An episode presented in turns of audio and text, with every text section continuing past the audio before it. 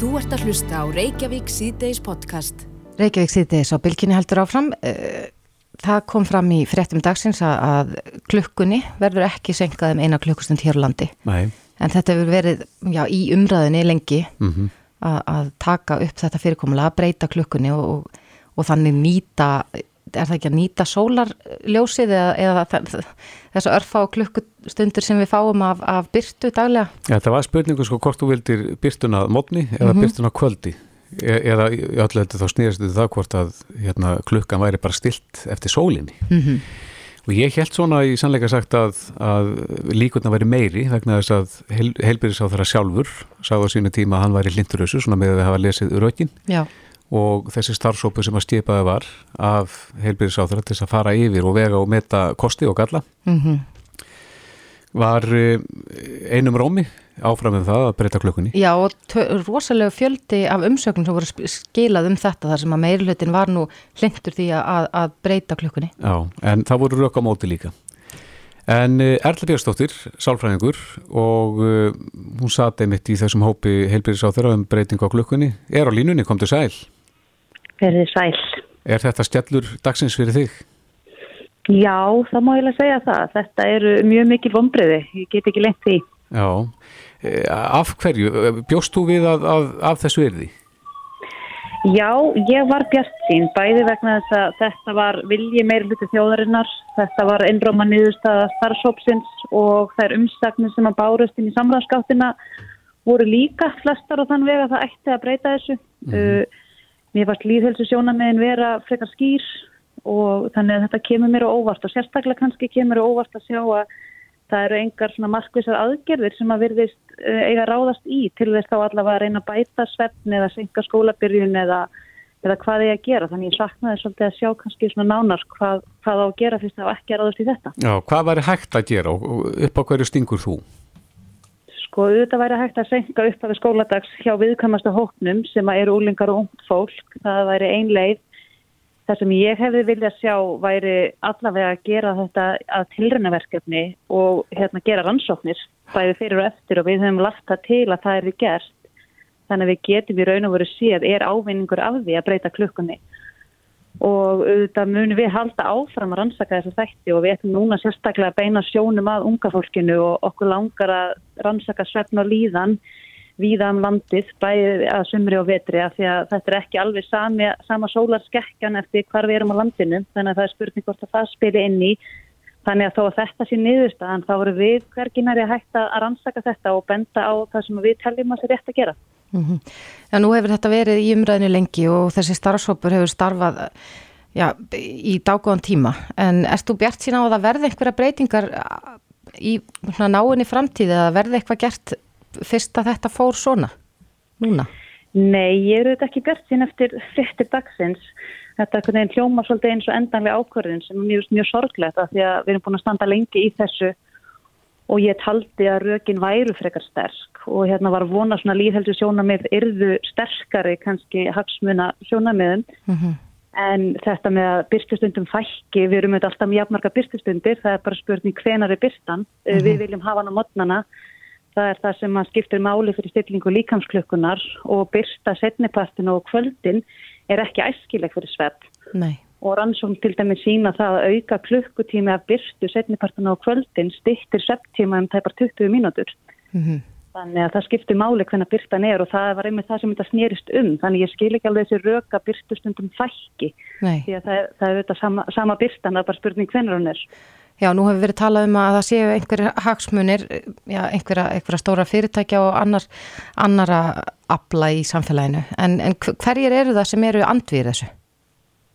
Já, það sem hefur verið nefnt í umræðin eru flugfélagin og ætlandi er þá og golfsambandið og hérna golfsambandið þá helst vegna sem þau vilja hafa byrta á kvöldin vantilega til að spila golf og golf nú kannski fyrst og fremst spilað á sömrinu og haustin þegar það er bjart frekar lengi. Mm. Flugfélagin, það hafi verið borið fyrir þau rök að það þarf að breyta allum flugáallunum og lendingatímum en ég skil ekki alveg þau rök því að ef að flug, flugvélinn fer í lofti 730 núna getur hún þá ekki bara farið í lofti 630 ef að breytingin yrði Mm -hmm. og við værum bara með sömu lendingaslott á flugvellum Erlendis þannig að hérna, ég sé ekki alveg hvernig það einhvern veginn er svona vegu sterti þessar umröðu. Nei, akkurat, en þú uh, hugsaður að þetta sé bara endalega niðurst á að þetta verði þá ekki treyftið þessu þá fyrir en uh, sent ofum síður? Já, við höldum áfram að berja dittnar og hérna við sjáum bara hvað hérna, þessi ríkistjórn setur nú ekki endalust og, og það verða mannabreitingar og við höldum áfram að gera rannsóknir líka og vonum við þetta líka að við getum sínt með tölulegum upplýsingum að þetta skipti máli og það sé munur hér á landslutum til dæmis að mm. þá hérna kannski náum við betur til, hérna, til stjórnmálamanna. Mm. Er, staðan, er staðan verst fyrir norðan eða hvað?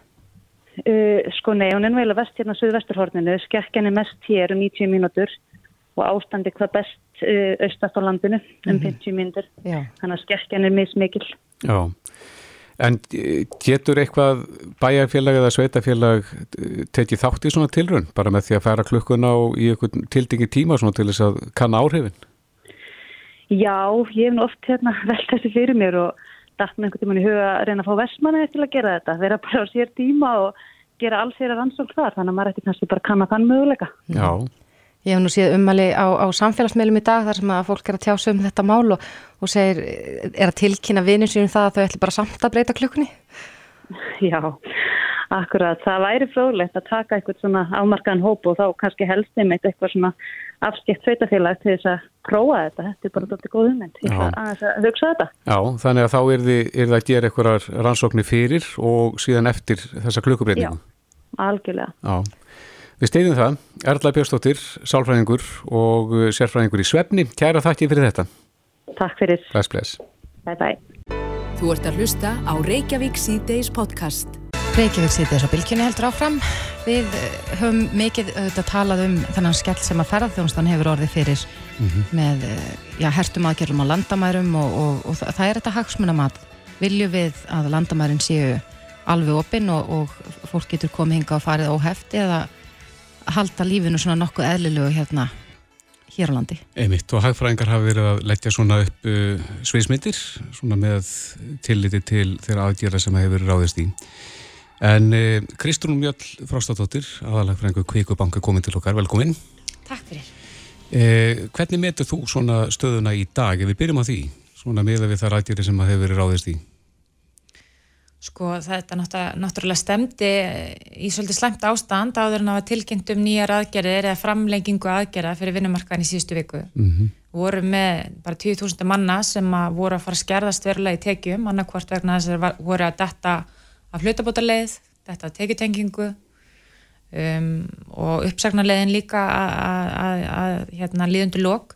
Þannig að það kom mér, ég skal alveg ekki að það kom mér á óvart að skildi ekki að vera tilkynnt um þess að aðgeri fyrr en það er mjög gott að þetta skildi að hafa verið gert.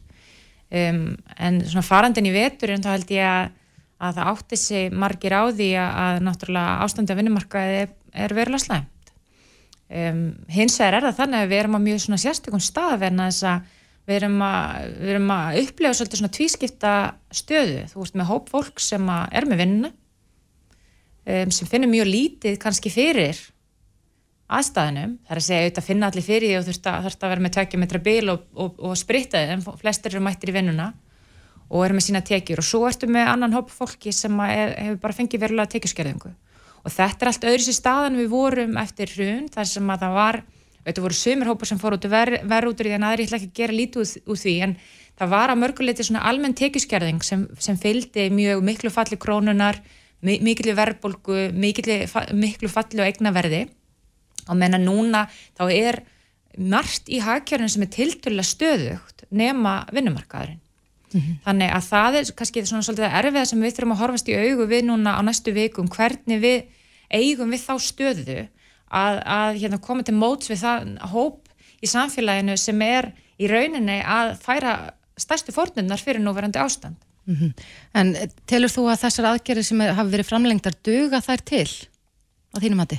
Sko það eru þetta mjög mikilvægur. Ég held að þetta sé allt spurning um tímalínuna. Um, við vorum að tala um 2-3 mánu ef ég mann rétt. Annars við að fyrir hlutabótalegin og hins vegar tekjutengingu. Um, ég held að tími sem þessum þá um, sé náttúrulega Eh, grundvæðalega atrið að gefa fólk einhverja smá vissu um, ákveði öryggi að, að hérna, það geti staðið undir sér á næstu mánuðum og ég held að, að þessi fæstir sem halda í fram að, að þetta ástandunni líður undir lok á næstu mánuðum. Mm -hmm. Hins vegar skilji þessar aðgerið sem svo að þetta hafi verið svona akút ákverðun á meðan þeir ræða framhaldið, þannig að það kemur mér ekki óvart að þetta verði síðan framlengt. Eh, Rögræðina sem hafi verið kannski hvað harðastar síðustu daga um, varða hins vegar hækkun, grunnbóta og svona almennira bóta og ég held að, að það þurfi kannski aðskilja þá umræða eins að að það er eitt að tala um grundvallar langvarandi breytingar á velferðarkerfinu og það er mörguleiti pólitísk spurning bara hversu háar bætur eigi að vera sem hlutvallar lámarslaunum undir eðlum kringustæðum og svo er annað að gera sig grein fyrir því að það eru mjög margir sem eru með það lágar tekjur fyrir að það að lenda í 30% tekjuskerðingu sem að fælst í því að fara yfir á tekjutengta bætur það er bara íkildið þess að falla á grunn bætur. Ef þú ert með 400.000 krónur á mánuði þá færðu svona 290.000 í bætur sem eru grunn bætur og náttúrulega fyrir einstakling sem er að það lágum tekjum fyrir þá er þetta gífilegt högg. Og þess vegna finnst mér ekkert óæðilegt að við komum fram svo umræða að við erum með mikið af láttöki fólki sem er að missa störfum sinn núna það er þjónustu störf, þjónustu störf. Þetta er oft fólk sem er ekki háum tekjum fyrir. Og að hérna tekjutengingin er kannski ekki að grýpa þetta tekjufalli af fólki fyrir utan það að það úr dottin af hlutabótaleðinni þá ertu bara dottin af henni. Og það eru bara 3500 mann sem að voru á henni fyrir nú, þessi, þessi mánamót þannig að það þarf eitthvað að huga að sko hvort að það sé að koma fólki aftur yfir hlutabótaleðina, hvort að fólk geti farið í að leita sér aðtunni tækifæra skapa, skapa sér sín einn tækifæra og vera hlutabótaleðinni eða hvort að sé vilji fyrir því tímabundið á með einhverjum sértækum aðgerðum og fólk getur þá kalla það sérstakka COVID-greiðslu eða hvað svo sem það er.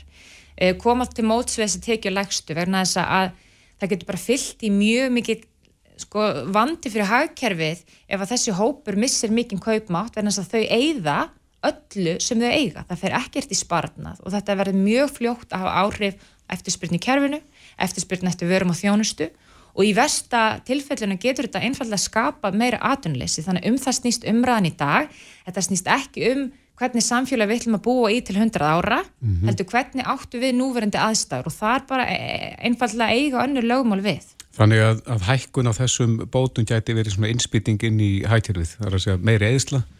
Sko hækkun eða auka greiðslur til einstaklinga sem er að lenda í COVID áfalli og mér mhm. finnst mm -hmm. það það sem skiptir máli núna er að við erum að tala um rannsóknir á vinnumarkanum, um, þar sem er verið að bendla hátt aðtunleysi við hafa bætur og þetta eru, þetta eru rannsóknir sem taka með eðlilegum aðstæðum jafn, hérna jafnvægi, langtíma jafnvægi nú eru við á stað þar sem að ofinbæra aðgýri hafi í rauninni hamlað sköpun starfi á okkunnum greinum. Þú ert með 30-40 störf sem er í rauninni bara búið takur umferð og það getur vel verið að fólk getur verið sammálum það til lengri tíma að fara ykkur aðra vegferð, ykkur aðra atvinnu uppbyggingu en það tekur tíma að fara þangað. Og meðan að fólk er ekki búið að finna sinn farveg þá er ekkit óæðilegt að það fá ykkur auka stunning á þessum tímum. En þetta er tímabundin aðgerð og mér finnst ekkit óæðilegt að þetta sé rætt í því samingi en þess að þetta eru ofinbjörn yngripp sem er verið að ráðast í að vinnumarkaði og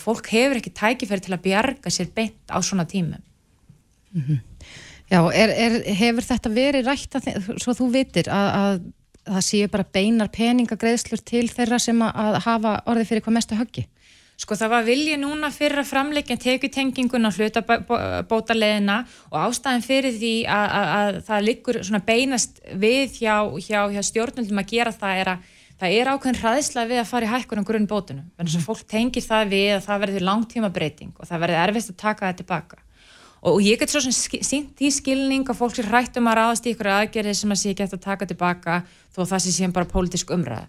Það breytir því ekki að fólk þarf að geta tekið meða aðstæðum og alla rannsóknir sem hafa komið út í dag eftir að COVID skalla á Erlendis, mikið af þeim rannsóknir sem voru gerðar fyrir COVID á hvernig vinnumarkarum bregst við á tímum hagsveiflu, niðursveiflu, benda til þess að þegar það er ekki störf að fá þá er það mikilvægast sem þú gerir að halda upp eftirspurn vegna þess að þú vilt ekki fólki flosnu upp, upp og lendi í fátakt eða lendi í örbið eða þá bara einfallega og þú hugsaður bara út frá atunlífinu, drægir úr heldar eftirspurn í kerfinu sem að vegur þá að starfa getur annar staðar út af tímabundum aðstæðum. En þetta þarf þá auðvitað að vera að hugsa sem tímabundi yngri en staðrindin er svo að ég held að, að mikið þessar umræð hefur falið í sér að það sé hefðbundir markaslegumál sem er að taka við þegar atvinnleysi kemur upp. Og það er bara engin vinnumarkaslög hérna lögmáli gangi núna, það er búið að kippa markaðum úr sambandi, það er búið í rauninni loka á ákveðna atvinnugreinar með því að loka eftirspurn eftir ferðarþjónustu, loka eftirspurn eftir ferðarlögum, það er búið að draga úr kunnafjölda sem geta setið inn á veitingastöðum, börum, allt þetta. Og þetta eru yngripp sem að mörg okkar getum sæst á fyrir heil, heildar hagsmunni en þetta fellur mjög misþungt á fólk. Og það finnst mér fullkónulega eðlilegt undir þenni kringustöðum að það sé hlaupundi bakka með þeim einstaklingum sem að geta ekkert bjarga sér út af því að þetta eru ofnbæri yngreip fyrir utan það að allar hagfræðlar rannsóknir sem byggja á svona stöðu þar sem að sköpun starfa er ekki eðlileg, hún er ekki sjálfsbrottin er sína fram á það að það er ekki atvinnuletjandi að stiða við fólk, það er bara til þess falli að halda uppi eftirspurn, halda uppi neyslu og tryggja það að, að hækir þessi heilbritt á meðan þessu stendur síðan líkur þessu ástandi, við verðum ekki í þessu eilífu Já, og hvað gerist þá? Lækka bætunar aftur? Já, það fyrir eftir hvernig þetta verður skilgrið ef þetta verður tímabundin COVID-greisla í sömum mm. löndum hefur verið gert þannig að það er bara einfallega litið til þess og það er þú veist, ríkið er að grýpa inn á markaðin fyrir almanhagsmunni. Það eru sömur sem að færa meiri fórnir en aðrir. Um, og mér finnst fullkomlega eðlilegt að það, sé, að er greiðslur hérna meðist við það tímbilsverðum í núna. Síðan er það bara önnur umræða hvernig samfélagi við viljum byggja, hvernig okkur finnst eðlilegt jafnbægi vinnumarkaði, hversu háar bætur er að vera. En undir núverandi kringustæðum, það held ég sem ég hættuleg svo hugsun að gefa sér það að 30.000 manns um, geti bara fallið um 20% í tekjum og það sé í fyrsta lægi um, eðlilegt undir núverandi kringustöðum í öðru lægi að það mun ekki hafa erfið eða slæm áhrif að hagkeri vegna þess að, að allar þessar hugmyndir um að, að til dæmis halda eftir að sköpun starfa ég meina staðurindin er bara svo, þú þarfst ekki hagfræng til að segja þér, það er ekki verið að skapa mikið störfum akkurat núna. Og þeir störf sem munu skapast og tækifæri sem út úr þessu koma sem geta verið mjög jákvæð þau mun ekki, þau mun ekki skapast á næstu 3-4 vikum, skilji. Það tekur tíma fyrir vinnumarkaðan í jafnasi það tekur tíma fyrir fólk að fá hugmyndir og fólk þarf að hafa eitthvað öryggi til þess að finna sig og, og við held að þekkingunni sinni að fara að stað með fyrirtæki eða eitthvað. Mm -hmm. og það er ekki hægt að ætlast til að það gerist á 2-3 vikum, þannig ég held að við þurfum bara að vera raunsæ, varandi umhverjus við erum í og, og hérna nálgast þetta frá því sjónamiði að það er ekki eðlileg markaslögumál í gangi undir þannig kringustæðum er ekkit óeðlilegt að það sé stutt betur við fólk. Og þetta er bara mjög góð fjárfesting vegna þess að ef þetta heldur hagkerðan á lofti og stiður við eftirspurt þá hamlar þetta frekari aukningu í atvinnuleysi. Mm -hmm. en þess að við getum skotið okkur í fótinn með því að draga úr þessum krafti að óþarf En nú er þetta, við hefum ítrekka að tala um ferðarþjónustuna eins og mm -hmm. segir þá er þetta líka veitingufólk og, og já, listamenn og, og skemmtikraftar og, og bara svo lengi mætti telja. Já, já. Erstu þá að tala um alla þá sem að hafa orðið fyrir, já, eins og þú segir, 20% tekjufalli? Ég þessi umræði snýr náttúrulega núna að bara fólki sem er aðunlust og sko ég átta mig alveg á því hvar svona áhugir fólks koma upp. Það er einhverju svona hugmyndir um að það sé alltaf einhverju sem eru aðunleysir en það, þeirra aðlar eru alltaf þarna þeir munu alltaf vera þarna og ef fólk vil raugra um að þeir séu til eða ekki ég ætla ekki að taka afstöðu með því. Við veitum að það eru 30.000 manns sem að er að treysta á aðstæðisofnbyrg í dag. Og við veitum öll hérna inni að það er ekki 30.000 manns sem að nenni ekki að vinna. Það virkar ekkit þannig.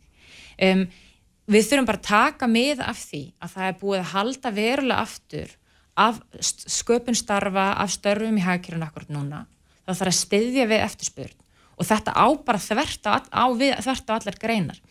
Í fullkomnum heimi gætur þú farið út á vinnumarkaðin og vali nákvæmlega út hvern misti starfið út á COVID. Og það er alltaf viljið fyrir að fara í svona aðgerða sem að allir vilja passa sér enginn sem er svona til neitt og enginn getur fengið eitthvað aukala. En þegar það er bara svona mikil óvisa og þegar það er hlutinir eru að gerast mjög hratt þá er bara einfalda ekki tími til þess að passa að hlutin rati alltaf nákvæmlega á réttu staðina að því að staðrindin er svo að ef þú ætlar alltaf að fara með það sjónamið út í allar ofnbæra aðgerðir þá væru bara ekki með því ofnbæra en þess að í dag þá er einhver að svíkjöndan skatti skilji, það er einhver að ekki hérna, skila vaskareislunni sinni það er alltaf eitthvað svoleiðs í gangi. En meir hlutin af þeim sem eru aðdönlösu í dag er fólk sem bara verið í góðri trú um að það var í eðleri vinnu svo var það bara í rángri aðdönugrein á raungum tíma og það er að fórna sér fyrir heilbreyðskerfið og það ætti ekki þurfa að taka á sig 30-40% tekjuskerðinga meðan við hinn getum bara að lifa óbreyttu lífi undir vandavang þessar fólks. Mm -hmm. Kristrún Mjöll Frostadóttir, aðalag frængu Kveikubanka. Kæra þætti fyrir komina. Takk fyrir. Hlustaðu hvena sem er á Reykjavík C-Days podcast. Jæja, Reykjavík C-Days. Var ekki ykkur umræðin á hverfisviðin í þínu hverfi, Þórtís, að, að máurinn var að sækja sér veðrið? Jú, það virðist reyndar, það er einhverjir hverfinu mínu sem er að gefa máunum fæði. Já, fóður að máan. Fóður að máana, það er einn ein, ein í hverfinu sem hefur tekið myndir af, af einhverju manni við þessa yðju. En hins vegar að þá voru áhugaverðar umræður hérna inn á síðunni að, að vegna þess að það er lítið af mat fyrir mávinn að fá í miðbænum að þá séu máðunar að færa sig svona í hverfin með, í öknum mæli. Já. En það er sko bara merkilegt að vera hérna í hverfinu, það er allt, bara mávort um allt. Krökt af máu. Krökt af máu. Mm -hmm. Þannig að þeir fá ekki lengur afgangana í, í bænum frá, frá ferðamönnum þá? Nei, ég verður að færa sig og reyna, reyna að sníkja hjá okkur. Já, ég sérstaklega ef ykkur er að gefa þeim. Já. Þeir, þeir, hérna, ég vildi nú reynda að hann myndi hætta því ef, ef hann er að hlusta, bara endilega Já, þeir slá eitthvað í vagnum á móti því Þeir, þeir líka vekja mann á mótnana sko. það, það er öskur og læti í þeim klukkan svona 5 ég hef voruð verið það já, já. í máunum, þá En uh, að öðrum uh, það er sagt var því fréttum í dag að Sameri uh, hefur kert, er það ekki þrjá, nei hérna 11, 11. stafsmenn fréttastofu Ríkisúttársins mm -hmm til siðanemdar og þetta er vegna sko ummæla þeirra um samherjamálið inn á sínum eigin samfélagsmiðlum að, að hafa þá tjáð sig um já, að komið Helga Seljan fréttamanni til varna að einhverju leiti og, og tjáð sig verið með ummæli á, á Twitter og Facebook. Mm -hmm. En uh, þetta er út af klausu í, í reglum hjá síðareglum. síðareglum hjá Ríkisúttarpinu mm -hmm. þar sem er já, í raun og veru bara sagt að, að fréttamenni ekki endilega að blanda sér inn í svona málefni Já. sem eru já, svona eldfim kannski í, í mm -hmm. fjölmjölum en þetta er já, Með tilkomuðu samfélagsmiðlana þá, þá eru menn fannir að tjá sig í ríkari mæli já. Um ímisleg uh, mál uh, Hjalmar Jónsson, formadur Blaðmannafélagsins er á línu, kom til sæl Sæl og blessið. Ja, hvernig horfir þetta við þér svona sem formann í Blaðmannafélagsins er, er til þetta verið að skrifa rétt átt? E, hvað þá? Að, að múlbinda uh, frettamenn með þessum hætti að þeir get ekki tjá sig í sínu frítíma og sínu megin meili um svona málefni líðandi stundar? Nei, ég hlæði þetta ekki langt fyrir að skrifa, en það held ég að, að blaðamenn eins og aðri ljóti tjáningar sem geti nýtt sér það, fullkomlega aðlum hætti. Við erum að þetta að fóta okkur í, í, hérna, í nýjum öðruleika þessar samfélagsmiðla sem var ekki til fyrir 10-15 ára síðan og mm -hmm.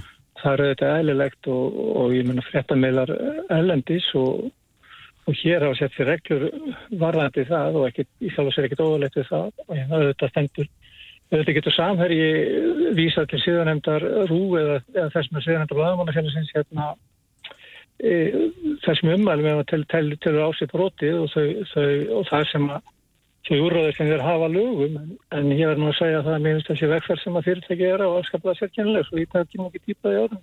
Já, en á sama hátt má kannski færa rauk fyrir því að, að hvort það sé eðlilegt að, að fréttamenn sem er ofta fjallað um viðkvæma erfið mál, hvort að þeir séu þá að, að setja sjálfa sér í bobb eða minn er að taka afstöðu til mála sem þeir síðan koma til með fjallum?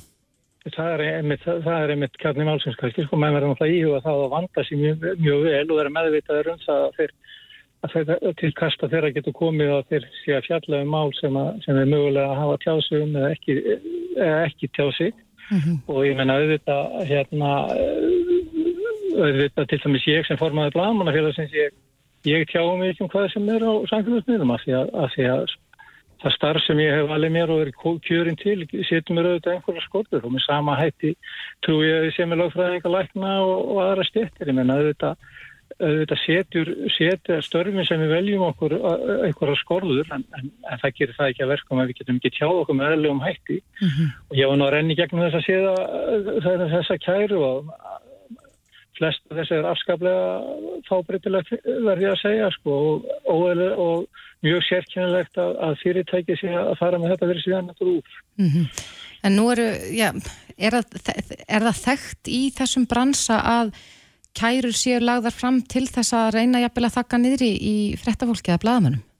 Ég minna fyrst, það er það í gegnum tíðina hefur, ég minna bæði bæði með, með því að kæra til domstóla til síðanemndur og framvegis eru menn að, að, hérna, að tel, telja menn vantala á sér brotið og vilja rétta hlut sín og það er ekkit óðalegt það, menn, menn, menn notið þau úrraði sem lögin og, og, og séðarklum að heimila þeim það segir í séðarklum bladamanna til dæmis að bladam, í annari greina bladamann hefur það æfilega hugfast að hann er, hann er, er bladamann dag og nótt sko. þannig að hérna, hann, hún er beira að hafa það, hafa það ríkt í huga og, og hérna þannig að veist, það er ekkit við þekkjum það að fjárstærkir aðal og þetta, sérstaklega þetta myndband þarna, og að reyna að hérna að rétta hlutsinn og, og, og hérna og virðast á stundum fjárstærkir aðalar telja sig ofar lögum sem við meðum þetta passa mm -hmm. blaðamennu þetta verða að standa vaktina og, og veita það að sem þeim byr samkvæmt sínu starfi sko. En erum við að þetta eitthvað nýja braut í fjölmiðlun bara yfir höfuð? Við sjáum þennan þátt frá samherja sem þeir gefa út sjálfur og það er, já, kannski að færast í aukana að, að fréttaflutningur sé úr hendi annara heldur en fréttamanna. Ég sko, ég held nú til að þetta, þetta COVID ástand sem búið að vera hefur sínt það hvað, hvað hefðbundnir fjölmilar eru gríðarlega mikilvægi fyrir, fyrir líðræðið í hverju landu að það funkir með ellum hætti. Og, hérna, og, og við þekkjum það ellendis frá að, að, hérna, að, að menn er í sífilt auknum mæli og meðan hann sérir mátt eftir að samfélagsmiðla að varpa ríki og, og reyna að hérna, gera staðurinn óljósar og það eru þetta hættan á því þegar, þegar það er ekki lengur neinn hliðvarsla hefðbundana fjölmjöla, heldur getur hver, hver sem er, sagt hvað sem er, hvena sem er, að þá þetta, kapnar þetta bara í einhvers konar flóði af, af ruggli og vittleysu því miður. Það er þetta andlýðræðislega við þessa frábælega líðræðislegu fyrirbæri sem samfélagsmiðlumis sannlega eru, að, að þetta verður einhvern meginn bara flóð af vittleysu og ruggli á, á, á, á tímum mm. og, og, og ítir undir fake news og, og slíka hluti eins og við þekkjum og horfum á sáklega dæmum í síföll og bandaríkanum undir þarum misseri. Einmitt. Hjálmar Jónsson, formadur Bladamannafélagsins, kæra þakki fyrir þetta. Takk, takk, samleðis. Reykjavík síðdeis á bylginni. Reykjavík síðdeis á bylginni heldur áfram. Í gær fjöldluðum við uh, um þetta mál sem uh, fréttablaði saði frá og færslu konu sem að starfar á, á hjókurunaheimili mm -hmm. en hún segir að ill meðferð á hjókurunaheimilum sé efni í háklassa hittlingssögur. Einmitt, hún nefndi þarna eitt dæmi í það minnsta þar sem að maður var bundin í hjólastól þegar á heilabilaður sem að þegar hún kom á vaktina og um, ekki fagra lýsingar en, en uh, það getur verið erfitt fyrir svona fólk að stíga fram og segja frá mm -hmm. en það er eitthvað farvegur og uh, deild innan landlægnisembættisins sem að hefur með þessi mála að gera.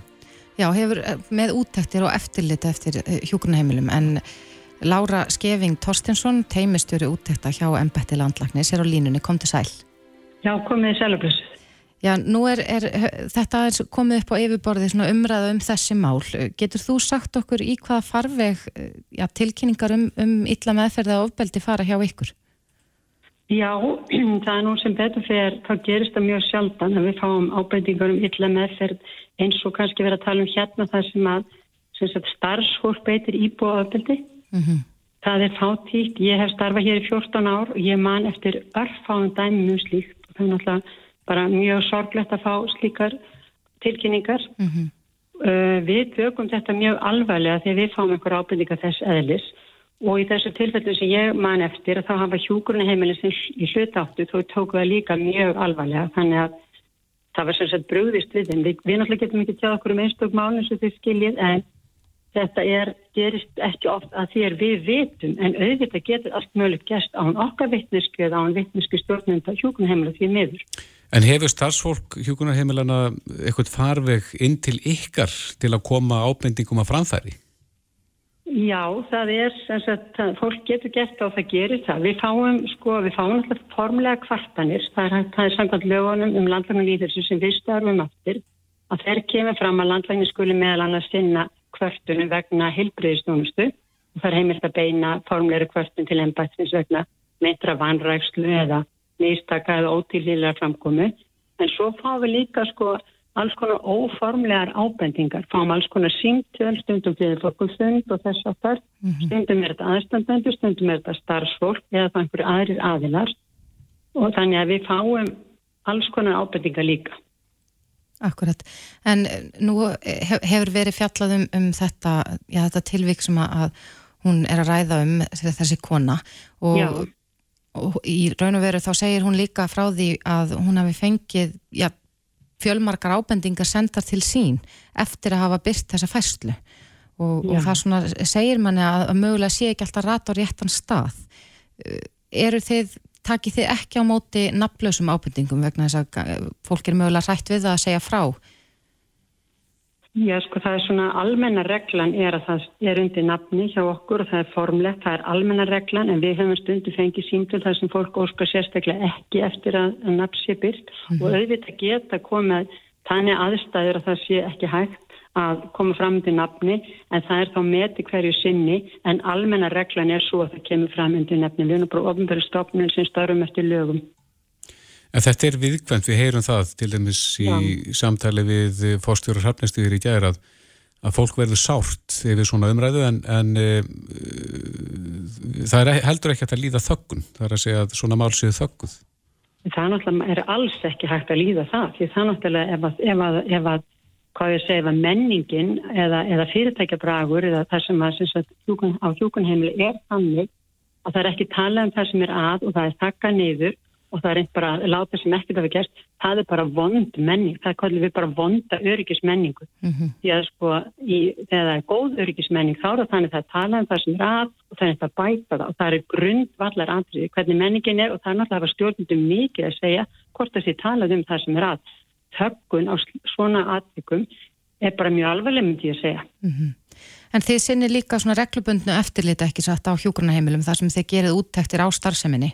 Jú, við gerum það, við náttúrulega höfum með alls konar eftir og það er líka í þessum lögum sem nefnda að lögum landalín í þessu kemur fram með um að hafa eftirlitin helbæðisjónustu og við höfum alls konar eftirlit, við höfum sagt, það sem er kannski sérstatur í hjúkunni heimilina þrísvara ári, fáum við alls konar upplýsingar frá þeim varðandi aðbúna íbúa og þannig að við höfum svona nokkuð svona gæðaví, gæðavísa sem við fáum þrísvara ári, það sem við getum skoðað niðurstöðu, hvernig koma gæðavísnir út og það er hafa dottið og, og hérna á hvaða livjum, hvernig, livjögjöf hátta, eru margir með þrýstingsár, hvernig er næring og fleira. E, þetta sem sagt, e, þá við þrísar ári og við skoðum þetta, það er búið að setja viðmið hvernig niðurstöðan eiga, á hvað bíli niðurstöðan eiga að liggja og ef það eru utan viðmið þá gerum við aðtöðsend við hjúkunheimilin. Við hefum líka, það er líka aðtöðkarskafning á hjúkunheimilin sem við fylgjum líka með og kallum inn og skoðum Mm -hmm. og síðan náttúrulega skoðum við líka kvartanir þannig við höfum ímisköp en svo gerum við náttúrulega líka þessar úttektir og þá skoðum við en það eru tiltölulega floknar þá skoðum við all fyrirleikandi gögnu okkur, við kallum eftir alls konar gögnu hjá viðkomandi hjúkunheimili og síðan þurfum við semst í heimsóknaheimili og við tökum, við erum með fundi með stjórnendum en við tökum líka viðtöl við starfsfólk og við tökum líka viðtöl við íbúa eða og aðstandendur mm -hmm. og það að taka þessi viðtöl, það hefur gefið okkur svona insýn sem að kannski þessi tölfræðlöku að gefa ekki þannig að við heyrum ímislegt þar eh, þegar við tökum þessi viðtöl og séðan hlutir við skýslu og annað. En, en hafið þið, fyrir ekki, hafið þið í þessum viðtölum, hafið þið fengið eitthvað svona ljótar sögur eins og, eins og komið fram hérna í fæslunni? Sko, við hefum kannski ekki fengið Við höfum ekki kannski fengið svona ljóta sögur en við höfum alltaf heyrt alls konar sögur af hjúkunni heimilum sem er, það, það hafa komið fram, ég nefnir bara sem að dæmi að það hafa komið fram ljóta sögur á Íslandi í, úr helbriðskerfinu í eiginlega rannsóknum. Mm -hmm. að, það er oft, þar koma svona það sem er tekinn svo kvöldur djúbiðtöl, þar koma oft alls konar sögur. Mm -hmm. Þannig að við, það er ábyggilega ímislegt sem gerir sem að kannski kemur ekkert alltaf fram, þannig að en það er, ég held samt að það sé mjög fátíkt en það er náttúrulega undir starfsfólkinu komið mm. og mhm. stjórnmyndum. En ef og það kom upp slíkar sögur í, í eins og þessum eiginlegu rannsóknir sem þú talar um, er það af, fer þá af stað einhvers konar rannsókn eða, eða aðtögun á málinu? Nei, sko, þetta er bara eiginlega rannsóknir sem rannsökandi gera. Við gerum ekki eiginlega rannsóknir, við tökum bara þessi vitu, það er, teljast ekki eiginlega rannsóknir. Ég bara, hérna, þekki þetta bara mm -hmm. úr þessum litteratúr. Að þá koma alls konar sögur fram í eiginlega rannsóknir. Ég hef gert líka rannsóknir sjálf og þá fær maður svona aðra sín heldur um bara í svona venjulegum viðtölum eða svona venjulegur skoðun. Mm -hmm. En þegar það kemur fram eitthvað svona grunur eða, eða eitthvað er gefið í stín að, að eitthvað sé ekki lægi í þessum viðtölum, farið þið þá að stað með rannsókn? Sko við erum náttúrulega, þegar við erum að gera úttæktirnar, að þá tökum við þessi viðtöl og það, þau gefa okkur ákveðna einsýn og ef við myndum verða vörð við eitthvað svona verulega alvarlegt, þá myndum við að sjálfsögðu sko taka það alvarlega eins og ég sagði hérna upp að við tökum allt svona mjög alvarlega, við gefum það.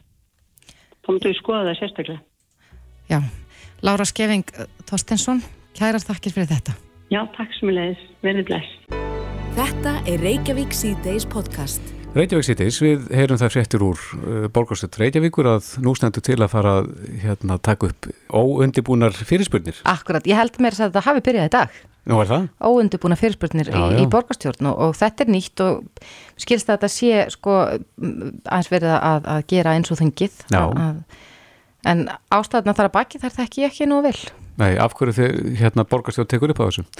Marta Guðjónsdóttir, borgarfylltrúi Já, sæl og blessu.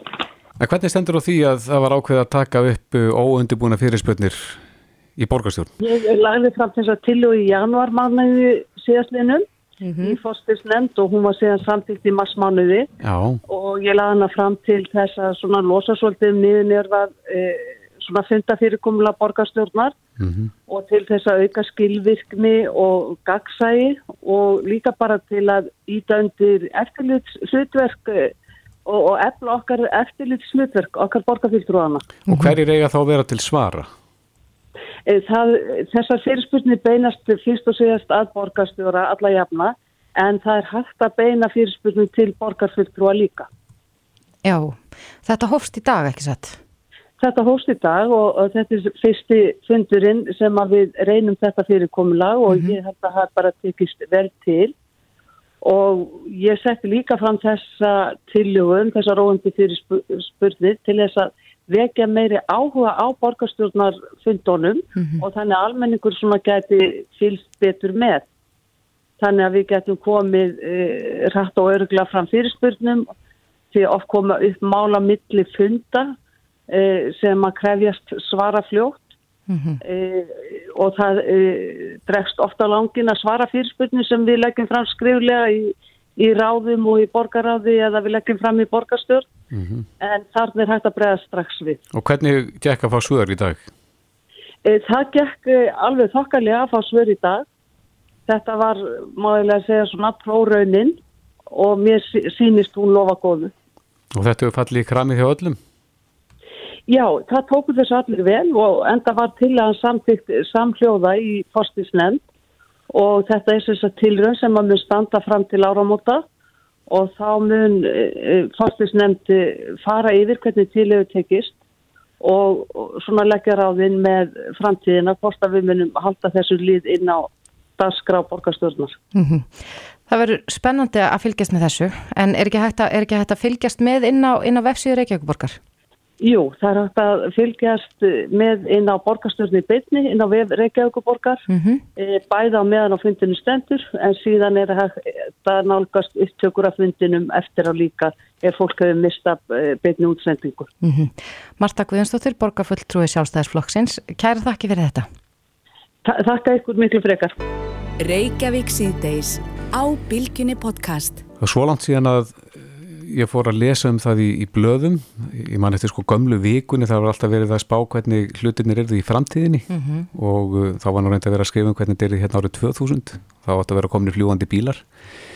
En uh, fljúandi bílar eru stilsmanni bara ekkert svo fjarlægu drömmur Þeir mást ekki eftir teknimyndinni Jetsons eða eitthvað þar sem þeir voru Já. svona fljúandi litlum bara farþega bílum. Einmitt, akkurat. Er þetta bara að fara að verða raunveruleika? Já, það er spurning en, en mér skilst að hlutinni síðan og komnir á fullt núna e, þessa dagana. Mattías Sveinbjörnsson, fórsetið fljómálafélagsins er á línu og kom til sæl. Já, sæl og sælbörsið. E, hvaða vinna er í gangi núna svona í, í þessa átt? Já, þetta er náttúrulega búið að vera lengi á teiknaborinu og margir hafa verið alltaf þessu fyrir sér mjög langa tíma. En það sem hefur kannski verið að gerast á síðustinum árum er að, að þessi ráðvæðing og, og ráðbílavæðing hún hefur svona ítald undir það að menn hafi velt í aftur fyrir sér að, að fara í loftið og nota hérna flugfaratæki til þess að ferðast um milli staða. Mm -hmm. og það má eiginlega sjá fyrir sér að, að svona fyrstu notkunna möguleikarnir séu einmitt uh, innan borga stutta vegalendir mm -hmm. uh, á þeirri batteri tækni sem er til í dag þannig að hún er náttúrulega þannig að maður geta ekki farið mjög langt uh, og, og, og, og svona það sem er sjá fyrir sig kannski sem svona fyrstu notkun eins og segi er, er innan borga það er alveg vel á annað hundra verkefna sem er í gangi víðum heim og alveg frá Eh, einhverjum svona einirki með mennum með einhverja góða hugmynd og síðan yfir í stórfyrirtæki eins og Mercedes-Benz. Er þeir komin að fullt í, í fljúandi bíla núna? Já, þeir eru fartin að vinna með aðlun sem að hafa verið eh, í svona startupfasa og voru núna bara nýla í að það við hvort það var síðasta vetur eða hvort það eru vor og þá voru þeir með svona demonstration í Þísklandi þar sem fóru fyrsta hlýð og þetta, þetta er bara ótrúlega fröð þróun og, og, og menn er mitt svona sjá, eða þegar menn tala um fljúandi bíla þá halda menn einhvern veginn að þetta sé svona mjög fjarlægt og, og mjög drömkjent en þetta er næri en margir halda. Og Það sérðu fyrir að aukurskóla framtíðin að verði þá bara á fljúandi bíla? Eða, eða menn hljóta þurfa að fara í einhvers konar skóla Já, sko, það, í rauninni það sem er náttúrulega ganga lengst í þessu þá reynlega flýður faratæki sjálft og það, það eru engan, engan flugmann til að fljúa á milli svona staða. Já, þú stimpla bara inn heimilisvang og svo tekur faratæki þið þangað í, í, á lofti. Já, í sjálfur sér er, er það svona það, það sem menn taka alltaf lengst en auðvitað held ég fyrstu senni þá viljum menn hafa eitthvað frammitt þess að stýra faratækinu. Mm -hmm en þetta er sjálfurskinu alltaf að vera meira og meira og þetta verður einfaldur og einfaldur að glúa þessu. En byggir þetta á drónatækninni? Já, þetta er það sem menn er að skoða, er eitthvað sem líkist drónum einhver leiti en síðan eru til önnu faratæki sem að skipta á milli þess að vera eila dróni og breytast síðan yfir í flúvel mm -hmm. og komast þar leðandi veglendir eins og segjum bara hérna og upp í borganes eða, eða þessum til Vestmannja og það er meira sér að hluta umræðinni ellendis er að út af korunu veiru ástandinu að þá er fólk svona meira mæla að forðast þjættbílustæði og forðast borgir og eru tilbúinir að lifa eða búa einhver staðar fjarlægt einn en vilja síðan hafa til til að greiðan aðgang og, og fljótan aðgang inn í stórborgirnar og til og með til Breitlandi að þá eru, eru nokkuð bresk fyrirtæki sem að sjá það fyrir sér að, að fólk búi bara einhverju sveitabíli í nákvæmni til með til London og síðan fljúi bara inn og fundi þeirra á þeirra að halda mm -hmm. ástæður því að þetta er kannski raunhæft með þessari tæknir að, að þetta er markvallt óterfið heldur en til að mynda fyrlur eða, eða það sem er nótt í dag mm -hmm. annars er það elsniti sem er miklu óterfið og hins vegar er viðalskostnæðurinn Eh, markvallt minni og, og þeir sem að ganga lengst í þessu segja að lækkun og kostnaði segja alltaf 80%. Mm -hmm. En nú hefur verið mikil sko, rámaksvæðing á bílaflótanum bæði Hérlandi og Erlendis. Er þetta ekki skrefi ránga átt ef að nota á eldsneiti á vélarnar? Já, þeir, í öllum tilökum er verið að tala rámak uh, eh, á, á þess að vélar. Akkurat. Já, það er alltaf að þá skrefi rétt átt líka. Já og, og það er líka annað að, að það er bæðið sem þetta, þetta kerur rámagni og síðan er líka þannig að, að þessi mótorar að það heyrist miklu minna og eiginlega ekkit í þeim.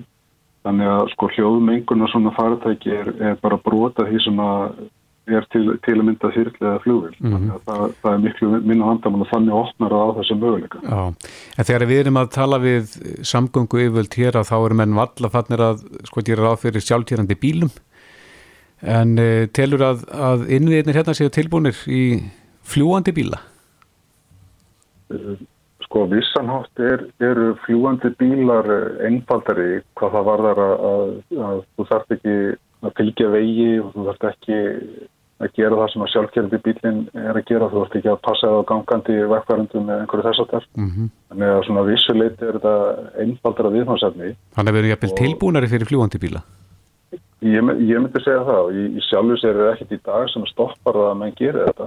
Það er, uh, ef þú ert búin að fá samþitt uh, fartæki sem að flýgur um millitækja staða, þá getur þú gert þetta í dag eða vildir. Það getur flóið flói, frá Akarnesi til Reykjavíkur og það er ekkert sem, að, ekkert sem stoppa það. Mm. En það sem er bildikinn ástæðið því að minna fegur þessu svona frætt núna er, er þetta sem ég nefnir, það er kostnaða þátturinn. Mm. Það, þetta er bara, er bara brota því sem að kostar í dag að, að fíla. Og þetta svona opnar, opnar einhvern veginn, minn hafa lokað á þetta, vegna sem minn er svo vanlega nú er þetta ástandi. Mm -hmm. Það er að segja að það er, dýrst að fljúa, en bara um leið og þú brítur þig út úr því högahari og þá svona opnast möguleika sem menn hafa einhvern veginn ekki lift sér að hugsa um í marga ára tíu. Nei, en, en á hvaða hraða ferðast þessi tæki? Eh, það er alveg hátt í 200 km hraða, 250 km hraða. Mm. Já, já. En þar, þartu, segja Mattias að þú ert að fara í vinnuna, uh, þú hérna, ferði út úr bílskutniðinum og, og tekur á loft, þartu að tala við flugturn, þartu að fá leiði til þess að fljúa ykkur ákveðna leið, leið? Já, sko, í rauninni það sem flestir hafa séð fyrir sér í þesslu þetta er að það eru það einhverja ákveðni staði sem enn myndir fara á og til þess að geta þá tekið á loft og lengt annar staðar. Mm -hmm. Það er ekki þannig að þú myndir fara beint úr, úr bakarinnum heima hjá þér og, og, hérna, og færi þannig að stað. Og lenda á bílastæðinni vinnunni? Já, Það, það, það er kannski ekki alveg þar sem að menn eru komnið sko, en, en ég segi til dæmis eins og að lenda í miðbænum á, á, á flugvöldinu þar og það væri til dæmis eitthvað sem væri mjög kjörið og, og, og allt tilbúið fyrir það Já. og ef, ef við myndum þá koma einhver staðar annar staðar að úr sveitnum landsins þá, þá er það til til ennþá en ekki, ekki kannski beint úr, úr, úr bakar í bregðaltinu, ég sé það kannski ekki alveg fyrir Nei, en uh, svona kannski í lokin, Mattias hvað sérðu fyrir þér að, að eða hvað sérðu langan tíma fyrir þér til að við sjáum fyrsta bílin á lofti hér á Íslandi? Og þessir aðalega sem eru að, að lofa þessari tækna framför þeir eru að tala um að fyrsta flýði verið farið 2024 Já. Og það er einhverju sem lofa þessu enn næri tíma en ég hef ekki að segja allan eina fimm ára. Og þá sjáum við fyrsta bílin að flugi hér á Íslandi? Já, Já. ég held að það, það sé allt sem bendið þess. Það er nærið við höldum? Það nærið við höldum og ég held að sé alveg til, til þess að taka þetta pínliti alveglega og skoða þetta í, í samengið aðra samgöngum átta og það sem er í gangi svona almennt í umræðinni Já. að menn, menn áskrið þetta ekki bara svona vegna þess að mennum finnst það fárlegt mm. Mattias Sveinbjörnsson, fórseti fljóðmálafélagsins kæra þakki fyrir þetta. Já, takk sem leðis Reykjavík síðdeis á Bilginni podcast. Já, já, Reykjavík síðdeis við ætlum að ræða hans golf núna, við heyrðum í fórseta golfsambansins um daginn mm -hmm. sem að sagða okkur að það voru orðið sprenging í sömar, sérstaklega núna í sömar í hérna fjölda þáttakandi Akkurat, ég, maður sér það bara. Það er hvert sem ég lítir fólk að tala um golf Já, og ég, ég snýmir undan á meðan. Já, akkurat, en, en golfið er indisli íþrótt og ég var nú bara reyndar að kynast henni fyrst núna í, í sömar mm -hmm. eins og margir aðrir. En e, það eru til nýju hólu golfvillir og svo eru til átjón hólu golfvillir mm -hmm.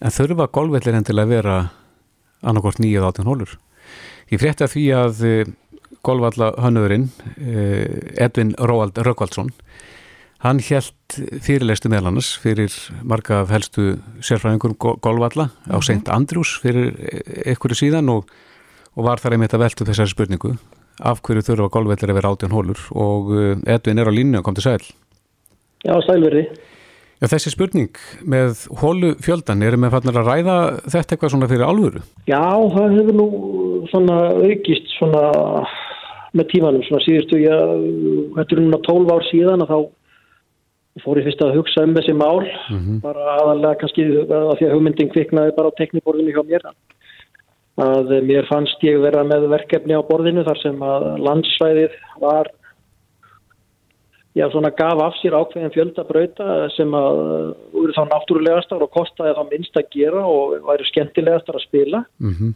og af hverju skildi ég þá reyna að tróða fleiri brautum þar inn í já, ég vil eða fækka þeim og slíta þeirri sundur eða þannig væri. Og enda þannig kannski með verri uh, vörð þar sem við getum kallað þetta það að væri ekki, ekki skemmtilega brautir og kostaði meira að gera þeir bara til þess að höfða til þessara hugmynda um hversu margar hólur vellinir eiga að vera. Já, uh, og þá fór ég svona að skoða þetta betur og út á sögunni og annað og þá, þá ég með á því að golfvellir hafa miklu lengur verið sko algjörlega frjálsir út frá hólufjölda í sögu og leiksins heldur en uh, heldur en steiftir í þessi mót nýju eða átján eða ég vil þá einhver, einhver annar fjöldi sem gengur upp í þann fjölda eins og 12, 6 mm -hmm. uh, golfið er um það byrj 600 ára gömul íþrótt um það byrj og, og hún hefur raun og veru bara fjórðunga þeim tíma verið mest talaðan hólufjölda En af, af hverju átján, hvernig gerðist það og af hverju festist þú tala? Uh, það ger, byrjar að gerast virðist vera hann í kringum já, 1764 þess að þetta er svo gamalt sem að knastbyrjan til dæmis en bara um það til rúmlega 100 ára mm -hmm. uh, já 1764 þá er það, það gamli völlum í St. Andrews í Skotlandi sem er svona frumgerðin má segja að þá ákveður menn þar að fækka hólunum þar úr 22 í átján og það virðist vera á fundargerðum sem að ég fekk nú að kíkja í uh, í St. Andrews á sínum tíma að þá virðist að vera vegna þess að mönnum fannst bara þessa brautir sem að ákveði var að fella úr gildi bara leðilegar og, og hérna öllinu væri þannig bara skemmtilegri sem átján hólur er frekar en 22 og þá veldur maður fyrir sér hver eru skilabóðin sko, í slíkri breytingu mm -hmm. Það er vantilega ekki verið að segja við alla, alla framtíðar golfvelli heimsins já verði þið, hafið þið átjónhólur, það er best.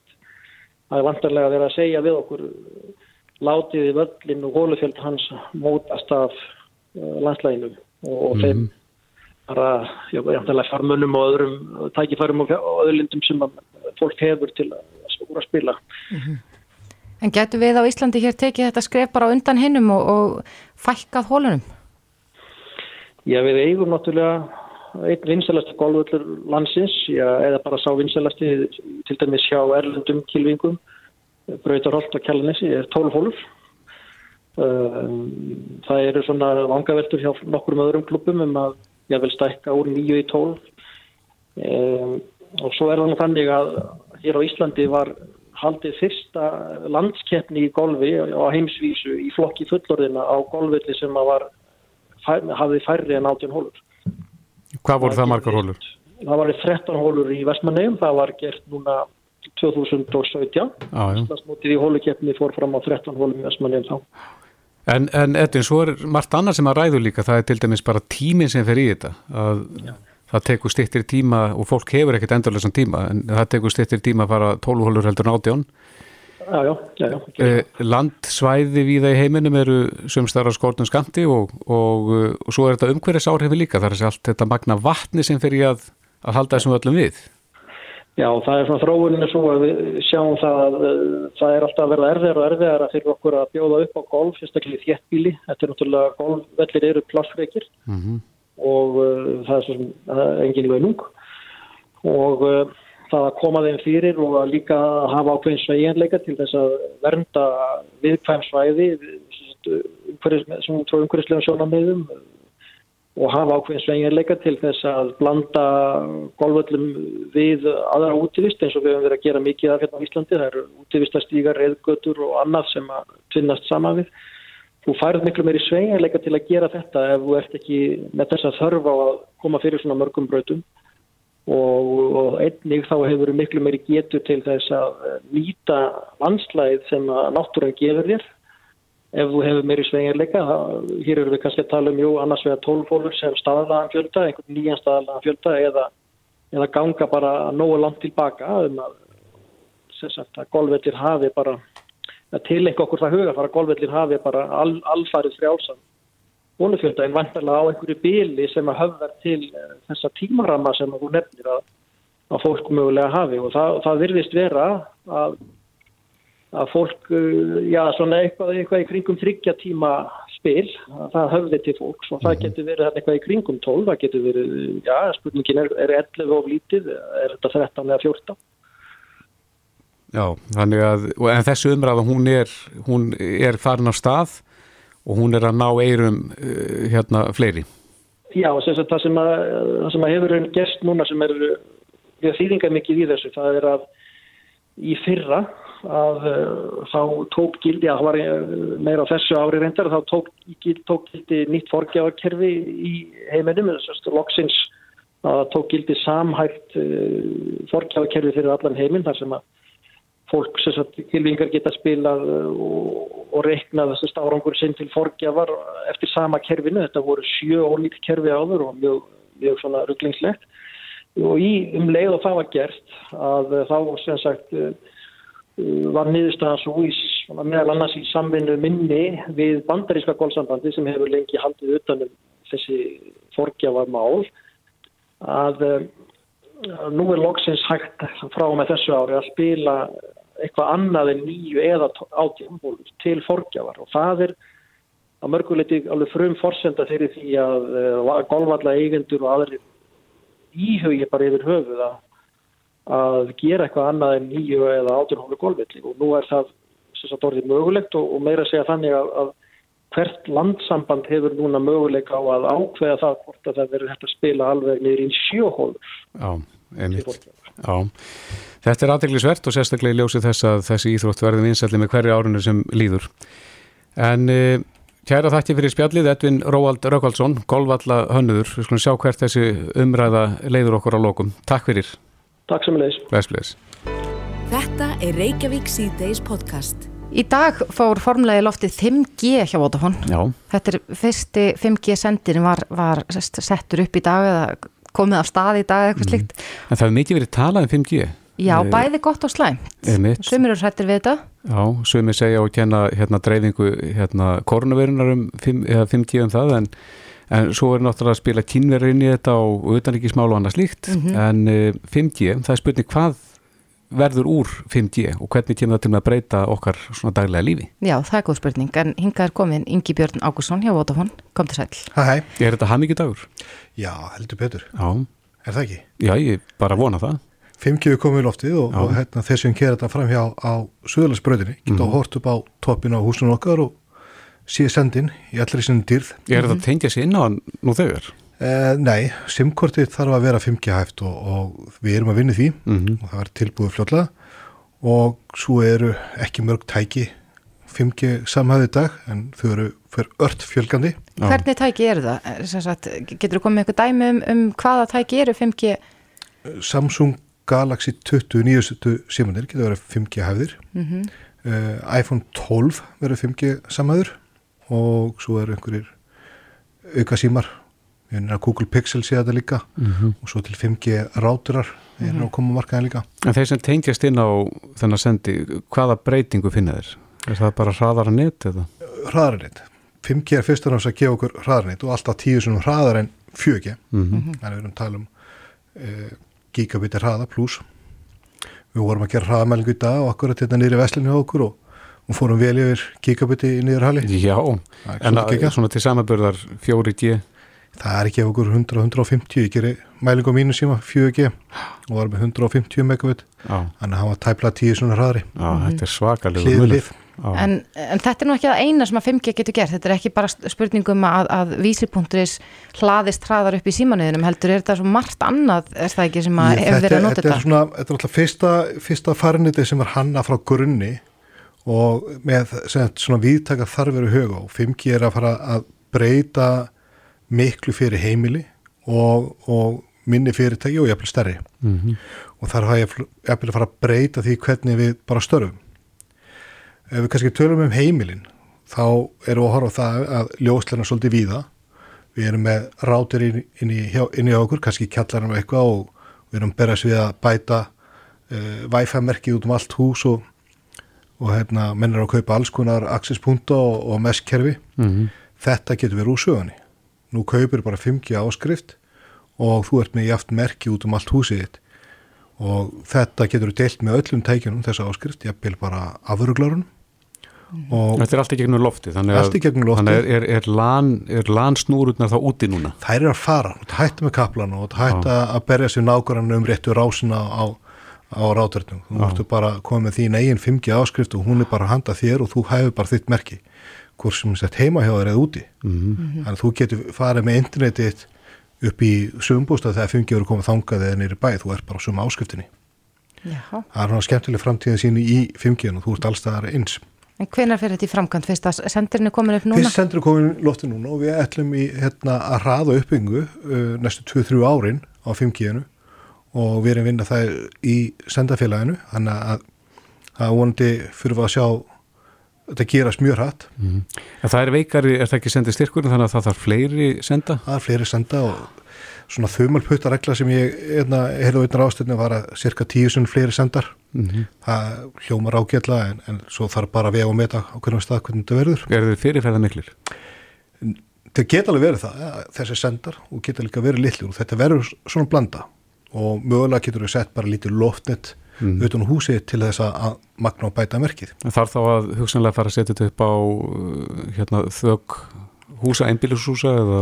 Nei, við sjáum ekki endilega það en, en það verður bara skýrast þegar við förum í útbreyslinu hvernig það Já. verður. Mm -hmm. Við alveg séð það að, að það sé upp á hústökum eða á sérsvæðum.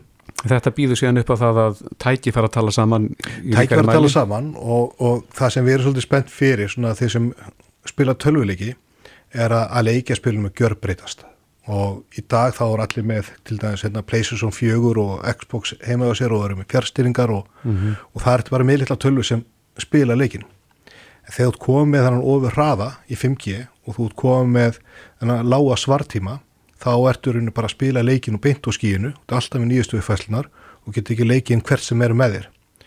Og það er að segja spilun með náungunum, hún vil líka gjörbreytast þið gætuð setju hlið við hlið eða í sikkurum enda heimsins og það er eins og séu hliflið mm -hmm. og þið getur hort okkur annan inn í leiknum tekið þátt. Svartímin er þannig að þetta er bara að gerist á sekundu broti. Við erum meðsend hérna 50 trukk í dag mm -hmm. og vorum að sína hérna viðskiptuðinum okkur og bjóðum að koma að prófa og þar settum við hanska á aðila og hann sett á sig síndarveruleika kliru og þar gæti hann teki, nota hanskan til þess að stýra öllu, tekið upp borfél og skrúfað og hann var að sjóða saman og grípa bolt á kastunum þannig að þetta komið svolítið langt mm -hmm. þannig að við leikum okkur svolítið með þetta og við vorum með skíðalik það sem aðlið var að skíða og lenda á steinu eða hoppa og að gana að sjá svona hvernig þessi leikir voru að hafa áhrif á einhvern þráttur að það var enginn tölvu á sæðinu mm -hmm. Já, þetta er mjög spennandi en fyrstu skrefin hér innanlands snýr það að heimilunum eða, eða minni á starri fyrirtækjum? Og, og svona minni og millistórum fyrirtækjum mm -hmm. og þá erum við að horfa það sem er kannski ekki besta ljóslegara sambundið að fara frekar og bjóða upp úr ljóslegarin í loftinu. Já, þannig að er rátirinn á leiðinu út sem sett af heimilunum? Það verður bara annars konar rátir. Já, 5G rátir í staðin fyrir svona snúrutengdan. Hann verður ekki snúrutengdur, hann fann alltaf bara 5G merki og dreifir svo. Já loftunum, þannig að snúruflækjarn hún fer að hverfa líka. Þannig að ljóslegar að væðingin var hún til einstís? Nei, hún er bara að færa koma ansið, margt gott í, í hérna fórtíðinu og, og, og náttúrulega er nöðsynlegt fyrir 5G þar að hafa góðan ljóslegara. Já, akkurat. Þetta er spennandi og fyrstu skrifin stígin, fyrstu sendirinn komin upp. Ingi Björn Ákusson, sérfræðingur hjá Vodafone. Kæra þætti fyrir komin. Takk, takk.